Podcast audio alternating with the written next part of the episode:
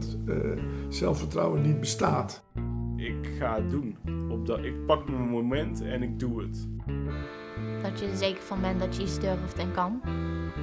Welkom bij Groepsgedoe. Een podcast over groepsprocessen en hoe je daar invloed op kunt hebben.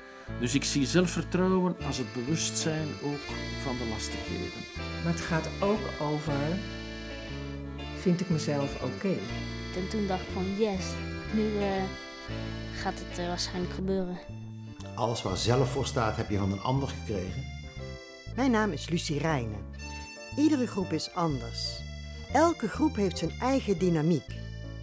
In verschillende gesprekken word ik verrast, leer ik nieuwe dingen en raak ik geïnspireerd voor de praktijk van iedere dag. Aflevering 5: Zelfvertrouwen. Er is een delicate balans tussen zelfvertrouwen en onzekerheid. Te veel zelfvertrouwen wordt vaak gezien als arrogantie. Te veel onzekerheid werkt verlammend en kan iemand ernstig beperken. Te veel zelfvertrouwen, maar ook te veel onzekerheid belemmeren leerprocessen. Wat is zelfvertrouwen volgens leerlingen? Wat is zelfvertrouwen? Als je jezelf leuk vindt. Ja, en dat je gelooft in jezelf. Dat je iets kan bijvoorbeeld. Bijvoorbeeld tijdens een, uh, een proefwerk. Um, eerst dacht je voor de liggen, oh, ik kan hier nooit. En dan heb je geleerd en dan lukt het eindelijk. En dan denk je, ja, ik kan het. Dat is zelfvertrouwen. Zelfvertrouwen is als je je goed, in je, uh, als je, je goed voelt en lekker in je vel zit. En uh, je kunt zijn wie je bent. Dat je er zeker van bent dat je iets durft en kan. Dat je niet gaat twijfelen aan jezelf van doe ik het wel goed, want anderen doen het anders dan dat jij dat doet. En dan ga je twijfelen over hoe jij het doet. Dat je, ja, dat je gewoon in de klas je mening durft, durft te geven. En niet bang bent voor dingen. Voor kinderen uit je klas of zo, zo zulke dingen. Nou, dan voel je je op je gemak en dan weet je dat je het kan. Dus dat je niet um, gelijk de moed opgeeft. Dat je eigenlijk niet echt heel veel van andere mensen aantrekt en meer op jezelf eigenlijk echt vertrouwt. Dat je niet echt afhankelijk bent van anderen. Zelfvertrouwen heeft volgens leerlingen te maken met zelfwaardering.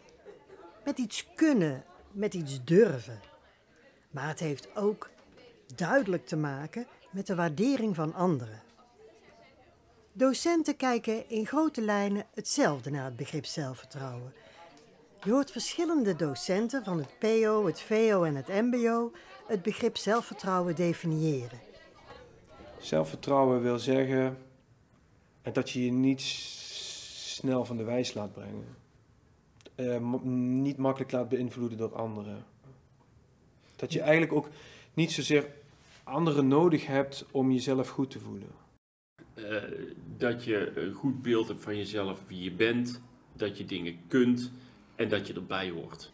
Ja, gewoon letterlijk het woord in stukjes hakken. Hè? Vertrouwen hebben in jezelf. Zelfvertrouwen is dat je durft te zeggen wat je vindt, dat je jezelf durft te presenteren, dat je je op je gemak voelt op het moment dat je ergens bent. Als je je genoeg comfortabel voelt om op te komen voor je eigen belangen. Dat je de, de kracht in jezelf vindt um, om te weten dat je goed bent als persoon. Dat het niet uitmaakt wat iemand van buiten jou zegt, positief of negatief, en dat je toch denkt: ik mag er zijn. Zelfvertrouwen is voor mij de, um, de, weerspiegeling, ja, de weerspiegeling van een ander, de verhouding tot een, hoe jij je tot een ander verhoudt. Marcel van Herpen, leraar, pedagoog en een veelgevraagd spreker, ziet ook zelfvertrouwen vooral als een relationeel iets. Alles waar zelf voor staat heb je van een ander gekregen. Zelfvertrouwen heb je gekregen omdat iemand jou vertrouwt. Zelfwaarde heb je gekregen omdat iemand jou waardeert. Ja, dat, dat is dus dat het vertrouwen dat iemand jou impliciet of expliciet heeft uitgesproken tegen jou, jou de mogelijkheid geeft om met een bepaalde onbevangenheid een volgende stap te zetten in de complexiteit en de onvoorspelbaarheid die zich voordoet. Freek de Jong is cabaretier. Hij koppelt vertrouwen en vrijheid in dit verband aan elkaar. Je hoort wel eens praten over zelfvertrouwen. En je moet zelfvertrouwen hebben. En ik denk dat uh, zelfvertrouwen niet bestaat. Ik denk dat vertrouwen bestaat. Uh, zoals je ook geen zelfvrijheid hebt of, of uh, zelfliefde. vrijheid is, is iets wat je alleen maar kunt beleven in relatie tot de ander. En, en, en liefde ook. En, en vertrouwen dus ook. Pas als je in staat bent om vertrouwen te ervaren en te ontvangen, eh, kun je het ook gaan geven. Mark Sanders is biologieleraar op Two College Joseph Mavo. Ook hij vindt dat zelfvertrouwen vooral met de ander te maken heeft. Mijn zelfvertrouwen, uh, in mijn ervaring, is iets wat anderen alleen maar kunnen geven. Mijn zelfvertrouwen is uiteindelijk gekomen doordat mensen tegen me zeggen: Ja, je mag er zijn. En ja, je kan dit. En op het moment dat je merkt dat andere mensen daar geloven, kun je pas zelf gaan geloven. En op dat moment begint het pas te groeien. Dat is ook het moment, denk ik, dat je oprecht zelfkritisch kunt gaan zijn en, en verder kan gaan met vormen. Maar dat, dat is wat voor mij zelfvertrouwen is. En uiteindelijk, zelfvertrouwen is vertrouwen, vooral vertrouwen van anderen in, in jou kunnen en zijn. Wij zijn altijd bezig met wat uh, anderen van mij vinden. En je kunt heel hard roepen, ik vind het niet belangrijk, maar dat is onzin, want dat is onderdeel van de groep zijn. Um, de groep bepaalt wie je bent, eigenlijk. Hè?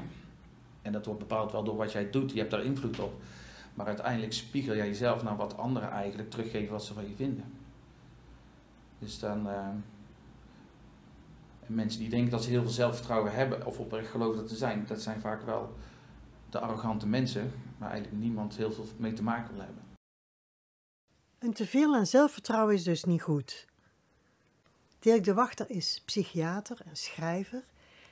En hij schrijft juist over de lastigheden in het leven.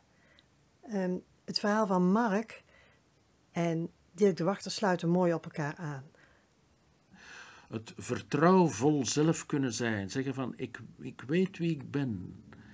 Ik kan daar, en ik weet ook de beperkingen van dat zijn. Zelfvertrouwen betekent niet een soort opgezwollen zelf dat zichzelf al alleen maar fantastisch vindt. Nee, zelfvertrouwen betekent te kunnen leven met het idee dat we ook maar ja, toevallige wezens zijn met onze talenten en onze mogelijkheden en onze fijne eigenschappen maar ook met onze soms wat minder fraaie toestanden die we ook allemaal hebben. Hè? En met onze littekens, onze lastigheden, onze beperkingen.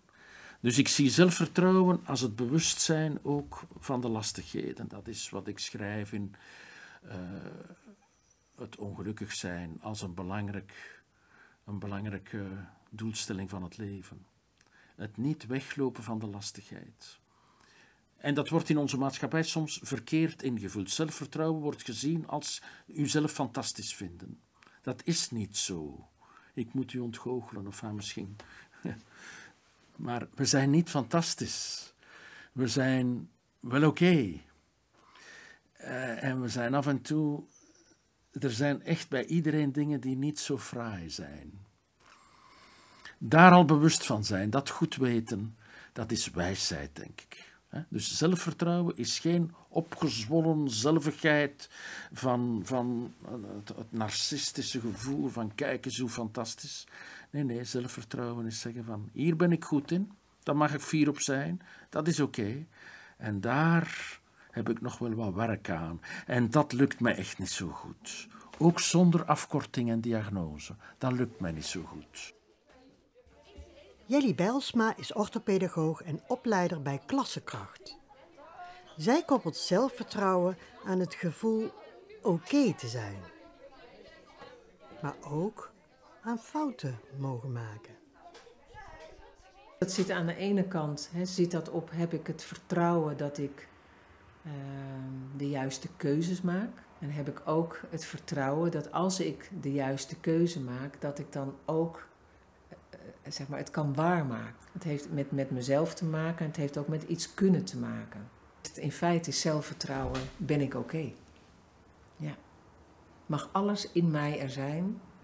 Mag ik fouten maken? Mag ik me vergissen? Mag ik, ehm, mag ik iets niet weten?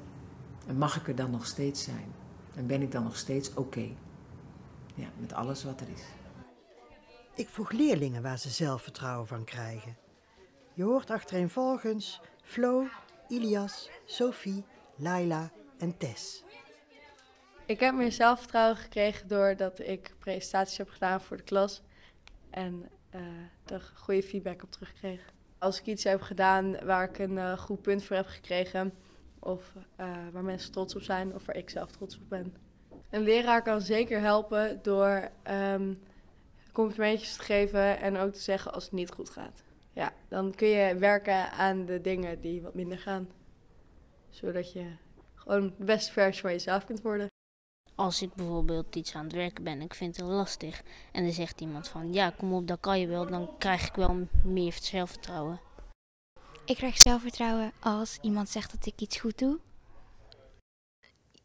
Hoe vaker je het doet voor een uh, groep waar je het uiteindelijk niet voor hoeft te doen, dan leer je dat je het kan. En dan heb je het ook een paar keer geoefend, dan weet je hoe het zit.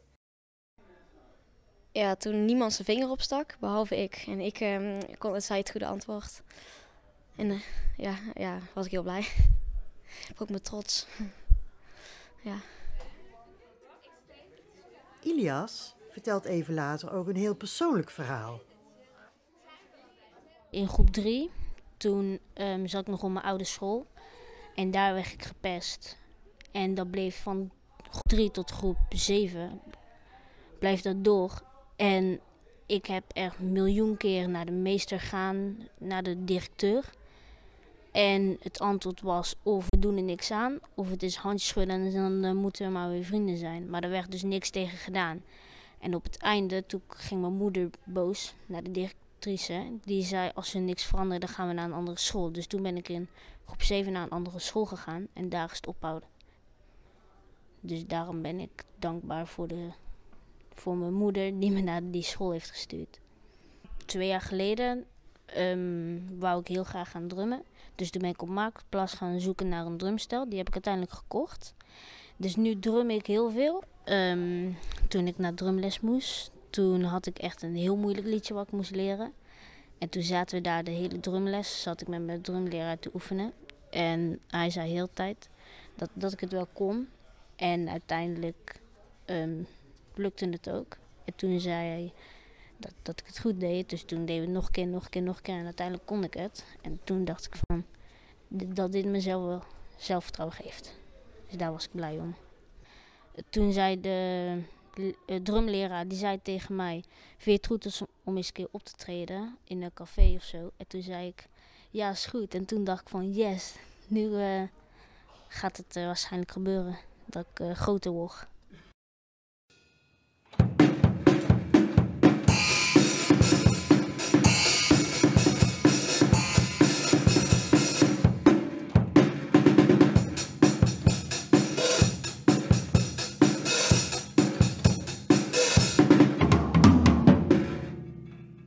Krijg zelfvertrouwen van drummen.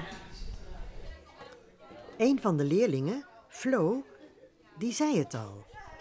Als docent, als school, kun je ook werken aan zelfvertrouwen. Brechtje van Goetem is docent bij VMBO De Rotonde in Breda en geeft leiding aan het leerlab Sociale Veiligheid van Curio. Het zelfvertrouwen van leerlingen kun je op een aantal manieren vergroten.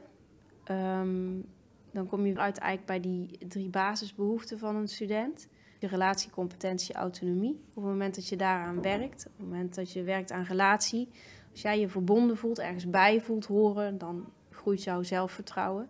Op het moment dat je het gevoel hebt dat je uh, competent bent, dat je iets kan, dan groeit natuurlijk je zelfvertrouwen.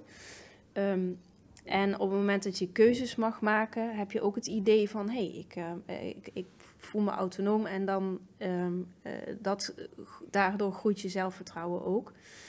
Um, dus door met die drie uh, constant bezig te zijn en daarin ook natuurlijk feedback te geven, positieve feedback, um, ja, bouw, je, bouw je zelfvertrouwen op bij, bij leerlingen en studenten. Een positieve insteek wordt ook gekozen op de praktijkschool Breda. Sanne van Riel, ondersteuningscoördinator, vertelt hier meer over. Wij werken hier op school met de, de verbindend communiceren methodiek. Ja, het komt van het non-violence communication. Maar wij hebben de Nederlandse benaming verbindend communiceren eraan gegeven. En vanuit, van leerjaar 1 tot en met 6 worden onze leerlingen daarin in getraind de wetenschap van ehm, dat, dat je fouten mag maken en dat je daarop gecoacht wordt en dat je dan de volgende dag weer een nieuwe kans krijgt. Maar dat je dus wel ehm, gaat kijken welke behoefte ligt daaronder en, en hoe kan ik dan een verzoek doen aan mezelf of aan een ander om, uh, om ervoor te zorgen dat het in een volgende situatie beter gaat. En uh, ja, je kan heel erg aan de oppervlakte blijven van waarom ben je boos en wat is er dan allemaal gebeurd en uh, blijven hangen in het conflict is dat eigenlijk. Hè? Zo proberen wij leerlingen ook echt even te laten filteren van wat is nu echt een feit en wat is niet van belang. En dan, um, dan ga je die stap verder naar behoeftes. Maar en behoeftes is heel moeilijk voor onze doelgroep om te benoemen. En, en we blijven vooral niet te lang. Je mag even leeglopen, maar daar, daar gaan we de vragen niet over stellen. We gaan naar die behoeftes en, uh, en naar dat verzoek. Waar komt het vandaan en hoe, uh, welk verzoek heb je? Dat is daarover nadenken. Als dat zeg maar um, ingebakken um, zit in, in, je systeem, zeg maar, dat je dan um, dat, dat je zelfvertrouwen daar wel groter van wordt. In, uh, ja, niet alleen in conflict situaties, maar gewoon in, in, verbinding, in verbinding zijn met andere mensen. Je achtergrond, je opvoeding, je thuissituatie spelen ook mee wanneer je het hebt over zelfvertrouwen. Anke van Es maakt muziek, is regisseur en geeft dramalessen. Bij het woord zelfvertrouwen moet ik wel ook meteen denken aan um, de basis waar je zelf vandaan komt. Dus uh, de opvoeding die je hebt gehad. Of de plek waar je vandaan komt, ja, waar jouw wieg heeft gestaan. Um, de mensen die jou hebben opgevoed, die jou uh, de eerste basis hebben meegegeven, zeg maar, van het mens zijn daar moet ik ook meteen heel erg aan denken. Maar goed, die kan nog net zo goed zo uh, warm zijn en, um, en fijn en goed. En dat je dan op middelbare school uh, tussen een groep zit en denkt: mm, oh jee, hoe dan? Femke Zegers geeft les op een basisschool en is daarnaast coach. Ik vraag hoe zij het zelfvertrouwen van kinderen kan vergroten door je bewust te zijn van je eigen uh, eh, OJ-gedachten, ook wel de rode gedachten, door je daar bewust van te zijn uh, dat die ergens vandaan komen. En dat het niet gek is als je je zo voelt. Dus eerst erkenning te geven aan je eigen gevoel. Het benoemen wat je voelt. Oké, dat, dat onzekere over mezelf. Of, dat verdriet of die boosheid dat het weer niet gelukt is. En dan uh, leren ze om te zetten naar groene gedachten, naar ik ben oké, maar ook naar groene acties. Dus groene dingen doen die je een fijn gevoel geven. En door dat heel vaak te trainen en, en van jongs af aan al eigenlijk te oefenen, heb je daar een heel leven lang profijt van, denk ik. Ja, en dat is eigenlijk een stukje cognitieve gedragstherapie. Wat je dan doet. Je bewust maken van je eigen gedachten en die ombuigen. Femke is ook wandelcoach. Dus gaan we naar buiten. En daar vraag ik haar hoe ze daar nou mee aan de slag gaat met kinderen.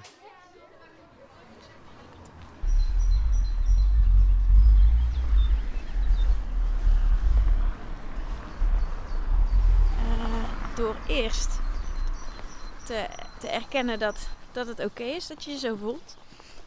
En, uh, goed te kijken met elkaar wat nou precies is wat maakt dat je misschien onzeker bent of je niet zoveel zelfvertrouwen hebt.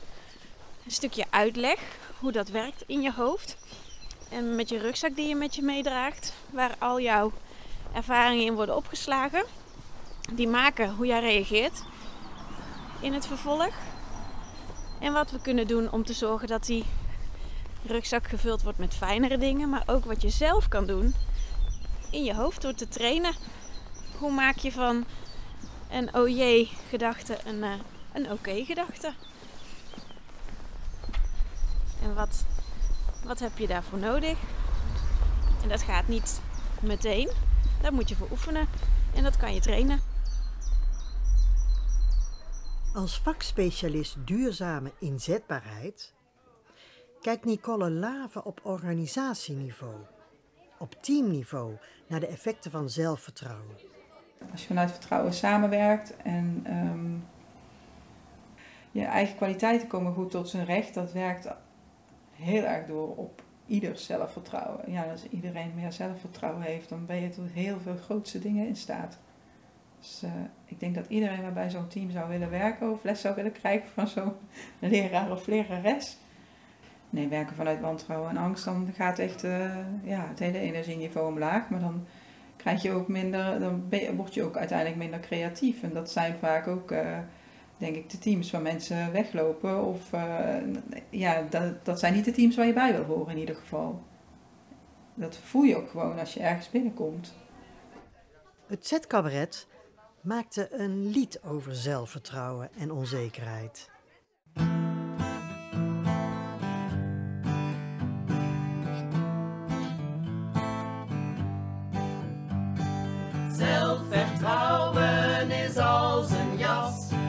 Jas die ik niet pas. Van buiten lijk ik zonder zorgen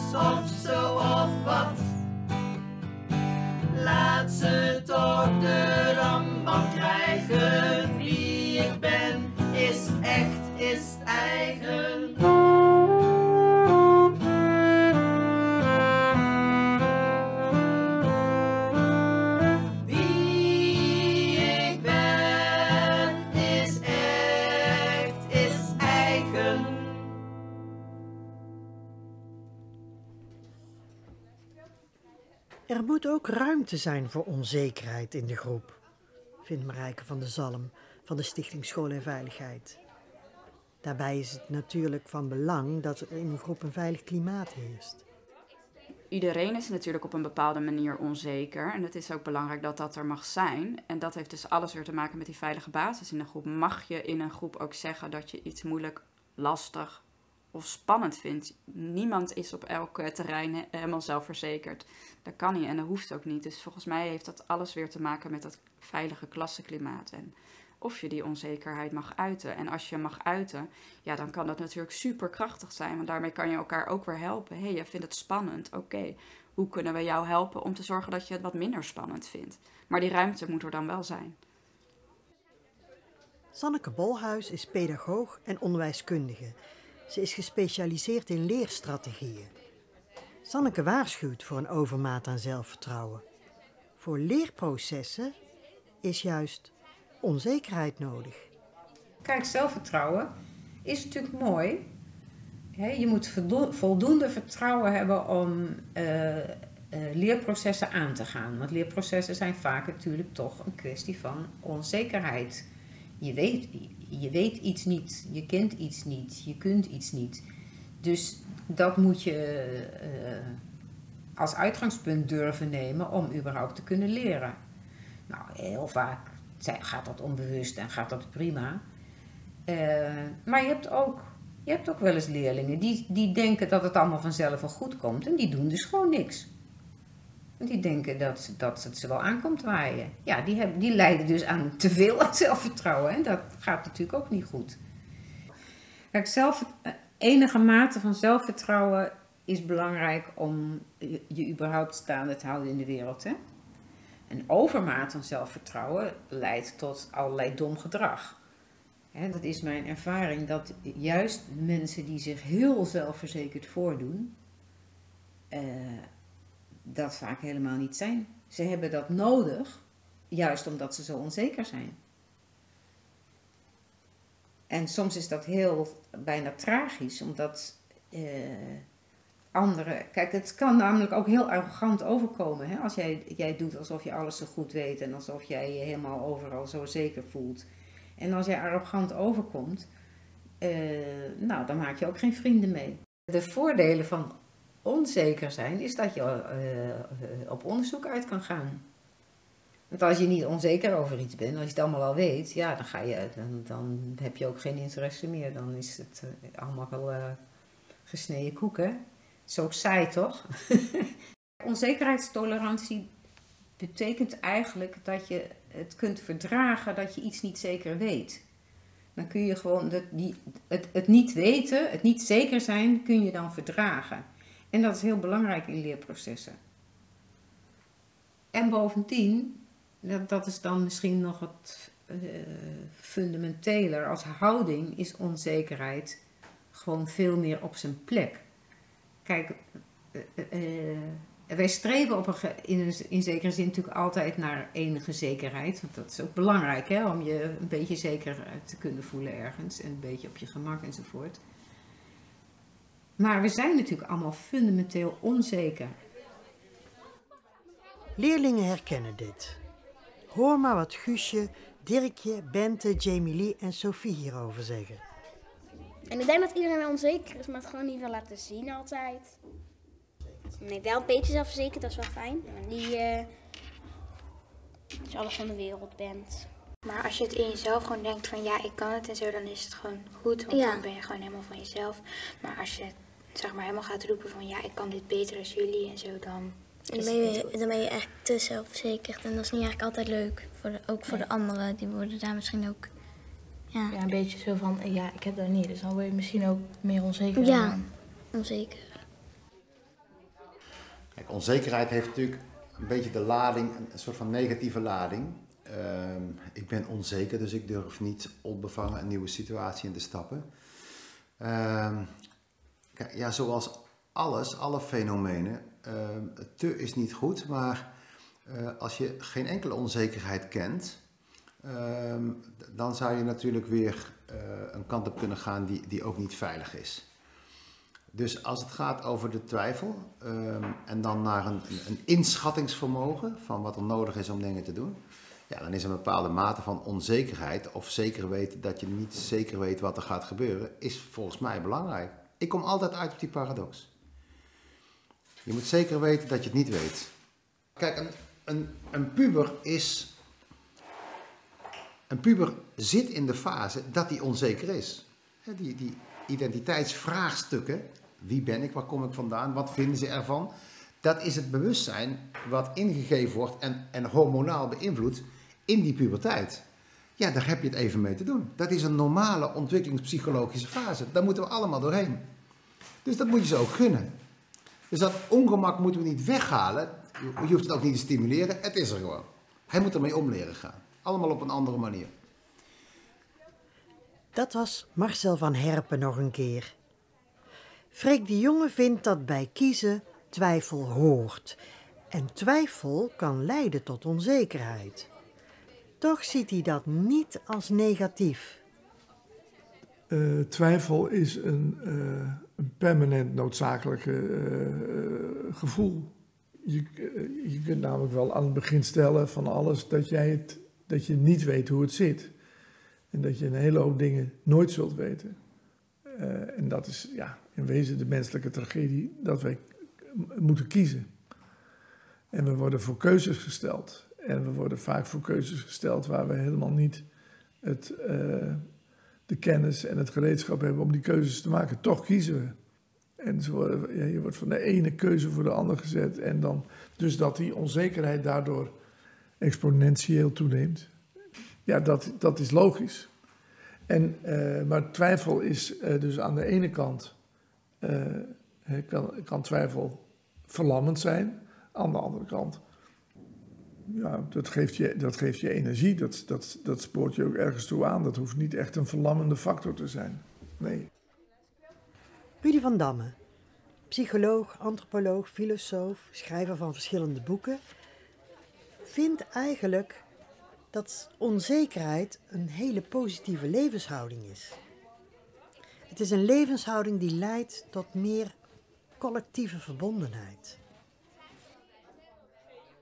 Onzekerheid is eigenlijk een heel goed gevoel, omdat je dan open staat te leren, te twijfelen, te zoeken, om te vertragen. Onzekerheid en twijfelen en openstaan voor het niet weten is een, eh, een leerhouding, dus levenslang leren, dat hebben we allemaal nodig. En dan zelfzekerheid opent de dialoog, want je gaat dan zoeken. En een heel gekend fenomeen in de sociale psychologie is dat mensen die in een context komen waar dat ze onzekerheid voelen, ze gaan uh, verbinding maken met andere mensen. Neem nu bijvoorbeeld dat je op een trein zit en in een trein staat in één keer stil. Uh, wat ik ook regelmatig heb meegemaakt. Het is een of je weet niet wanneer de trein gaat vertrekken, want het is staking. Je ziet onmiddellijk op het perron mensen met elkaar beginnen praten. Dus waar dat er onzekerheid is, is er veel meer sociaal contact. Dat zie je ook bij overstromingen. Mensen beginnen elkaar te helpen. Onmiddellijk worden de sociale barrières doorbroken. Dus je hebt wel een enorm punt om te zeggen, onzekerheid is een heel mooie uh, levenshouding. En koppel het aan verbinding. Koppel het aan, aan samen iets uitzoeken. Maar dat is een, eh, een, een wetmatigheid, dat is niet iets dat je bewust doet. Dus je zou eigenlijk maar kunnen willen dat we collectief in grote onzekerheid komen. Omdat je dan gaat beginnen samenwerken. Dus de klimaatopwarming, de, de natuurrampen, biodiversiteit. We moeten nog als collectief nog veel meer in, in de onheimelijkheid komen, in de onzekerheid komen. En dan gaan we een enorme kracht zien ontstaan om, om constructief samen te werken. Dané Bodewes doet onderzoek naar nieuwsgierigheid. Ze schreef het boek Schaamteloos nieuwsgierig. Ik vroeg haar wat er nu eigenlijk in het brein gebeurt wanneer je onzeker bent. Nou, op het uh, moment dat je onzeker bent, uh, dan uh, maakt je, maken je hersenen noradrenaline aan. En dat is een neurotransmitter die ervoor zorgt dat je alert wordt en focus krijgt. Uh, het bereidt ook je geheugencentrum voor om uh, die nieuwe informatie die jou onzeker maakt, om die goed op te nemen. Want uh, nou ja, het idee is van dat die nieuwe informatie heb je nodig om te kunnen overleven. Dus die moet je heel goed opslaan en, en bewaren. dus um, door de aanmaak van noradrenaline onthoud je ook beter wat je leert. En heb je dus ook meer focus, waardoor je minder afgeleid wordt door alle andere dingen die om je heen gebeuren. Nou, naast noradrenaline wordt er ook nog dopamine aangemaakt. En ja, dat is het gelukstofje, dat uh, zorgt dat je uh, het gevoel van beloning krijgt, maar ook dat je door wilt gaan. Dus nieuwsgierigheid is daardoor ook heel belonend.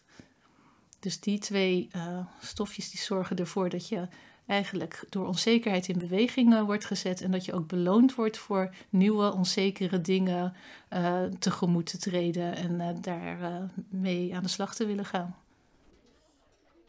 Durven laten zien wat je nog net niet kan. Dat vraagt Lucas Meijs, docent Nederlands van zijn leerlingen.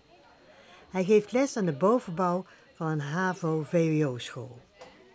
Hij haalt leerlingen uit hun comfortzone door het aanbieden van creatieve opdrachten. Een voorbeeld daarvan is de Blauwbilgorgelvoordracht, naar aanleiding van het bekende gedicht van Cees Budding. Ik ben de blauwbilgorgel. Mijn vader was een porgel, mijn moeder was een porulan. Daar komen vreemde kinderen van. Raban, raban, raban. Ik ben de blauwbilgorgel. Ik lust alleen maar korgel, behalve als een nachtelk krijst. Dan eet ik riep en rimmelrijst, rabijst, rabijst, rabijst. Ik ben de blauwbilgorgel. Als ik niet wik of worgel, dan lig ik lang uit in de zon en knoester met mijn knesidon. Rabon, rabon, rabon. Ik ben de blauwbilgorgel. Eens sterf ik aan de schorgel en schrompel als een kriks in één. En word een blauwe kiezelsteen. Ga heen, ga heen, ga heen. Aan de hand van dit gedicht moeten leerlingen een nonsensvoordracht voorbereiden. Waarin ze dus ja, iets serieus combineren met eh, fantasie, poëzie, etc. En er zijn er die, die durven. Daar, daar, zie je dat, daar zie je dat zelfvertrouwen. Je hebt acht leerlingen die presenteren in één les of zes. En er is er één die weet al de hele dag, ik ga het doen. Op dat, ik pak mijn moment en ik doe het. Want ik kan het. Nou, dat, dat is zelfvertrouwen. En die doet het dan ook. Een van de belangrijke doelen in mijn lessen was proberen het zelfvertrouwen bij leerlingen te vergroten. Door werkvormen, door spelletjes, door uitdagingen, door complimenten. Ik denk nog steeds dat dat belangrijk is. Leerlingen moeten daarnaast leren dat onzekerheid niet erg is, zolang die onzekerheid maar niet verlammend gaat werken. Onzekerheid en twijfels zijn de bron voor nieuwsgierigheid. En dat nodigt uit tot onderzoek, tot leren en tot meer willen weten. Zelf wil ik nog veel meer weten over alle mechanismen die invloed hebben op groepen en wat dat betekent voor het functioneren van een klas of een groep. Dit was de laatste aflevering van het eerste seizoen van Groepsgedoe. In seizoen 2 ga ik aan de slag met thema's zoals welzijn, buitenbeentjes, groepsdruk, straffen en belonen en met diversiteit. Dat een diverse klas uh, ook een afspiegeling is van de samenleving. Oeh, dat het kleur brengt in, uh, in alles. Ik ben eigenlijk altijd wel ja, buitenstaander uh, geweest. En dat heel vaak leerkrachten zeggen: ja, maar ik snap ook wel dat die buiten gesloten wordt. Want ja, als je ziet hoe die doet. Het is wel goed als je soms een buitenbeentje bent, want je kan meer laten zien aan jezelf: dit ben ik. Groepsdruk is het niet toelaten van verschil vanuit een groep. Ja, ik zie groepsdruk dan toch ook als druk die je voelt als eh, de groep naar je kijkt. Ik denk dat straffen zelden werkt. Een compliment aan het een is een straf voor de ander. Wil je de afleveringen van dit seizoen terugluisteren? Dan is het handig om je te abonneren op deze podcast. Nieuwe afleveringen die komen dan vanzelf naar je toe. Sterretjes geven en reviews achterlaten zorgen ervoor dat andere mensen deze podcast makkelijker kunnen vinden. Deze podcast is mogelijk gemaakt door kennisplatform Kierensoe door To College Joseph Mavel en door de leerlabs van Curio. De muziek aan het begin en het einde is van Koen Rijnen. Dank aan alle gasten. Dank aan de leerlingen van To College Joseph Mavel. En dankjewel voor het luisteren. Tot seizoen 2 met nog meer groepsgedoe.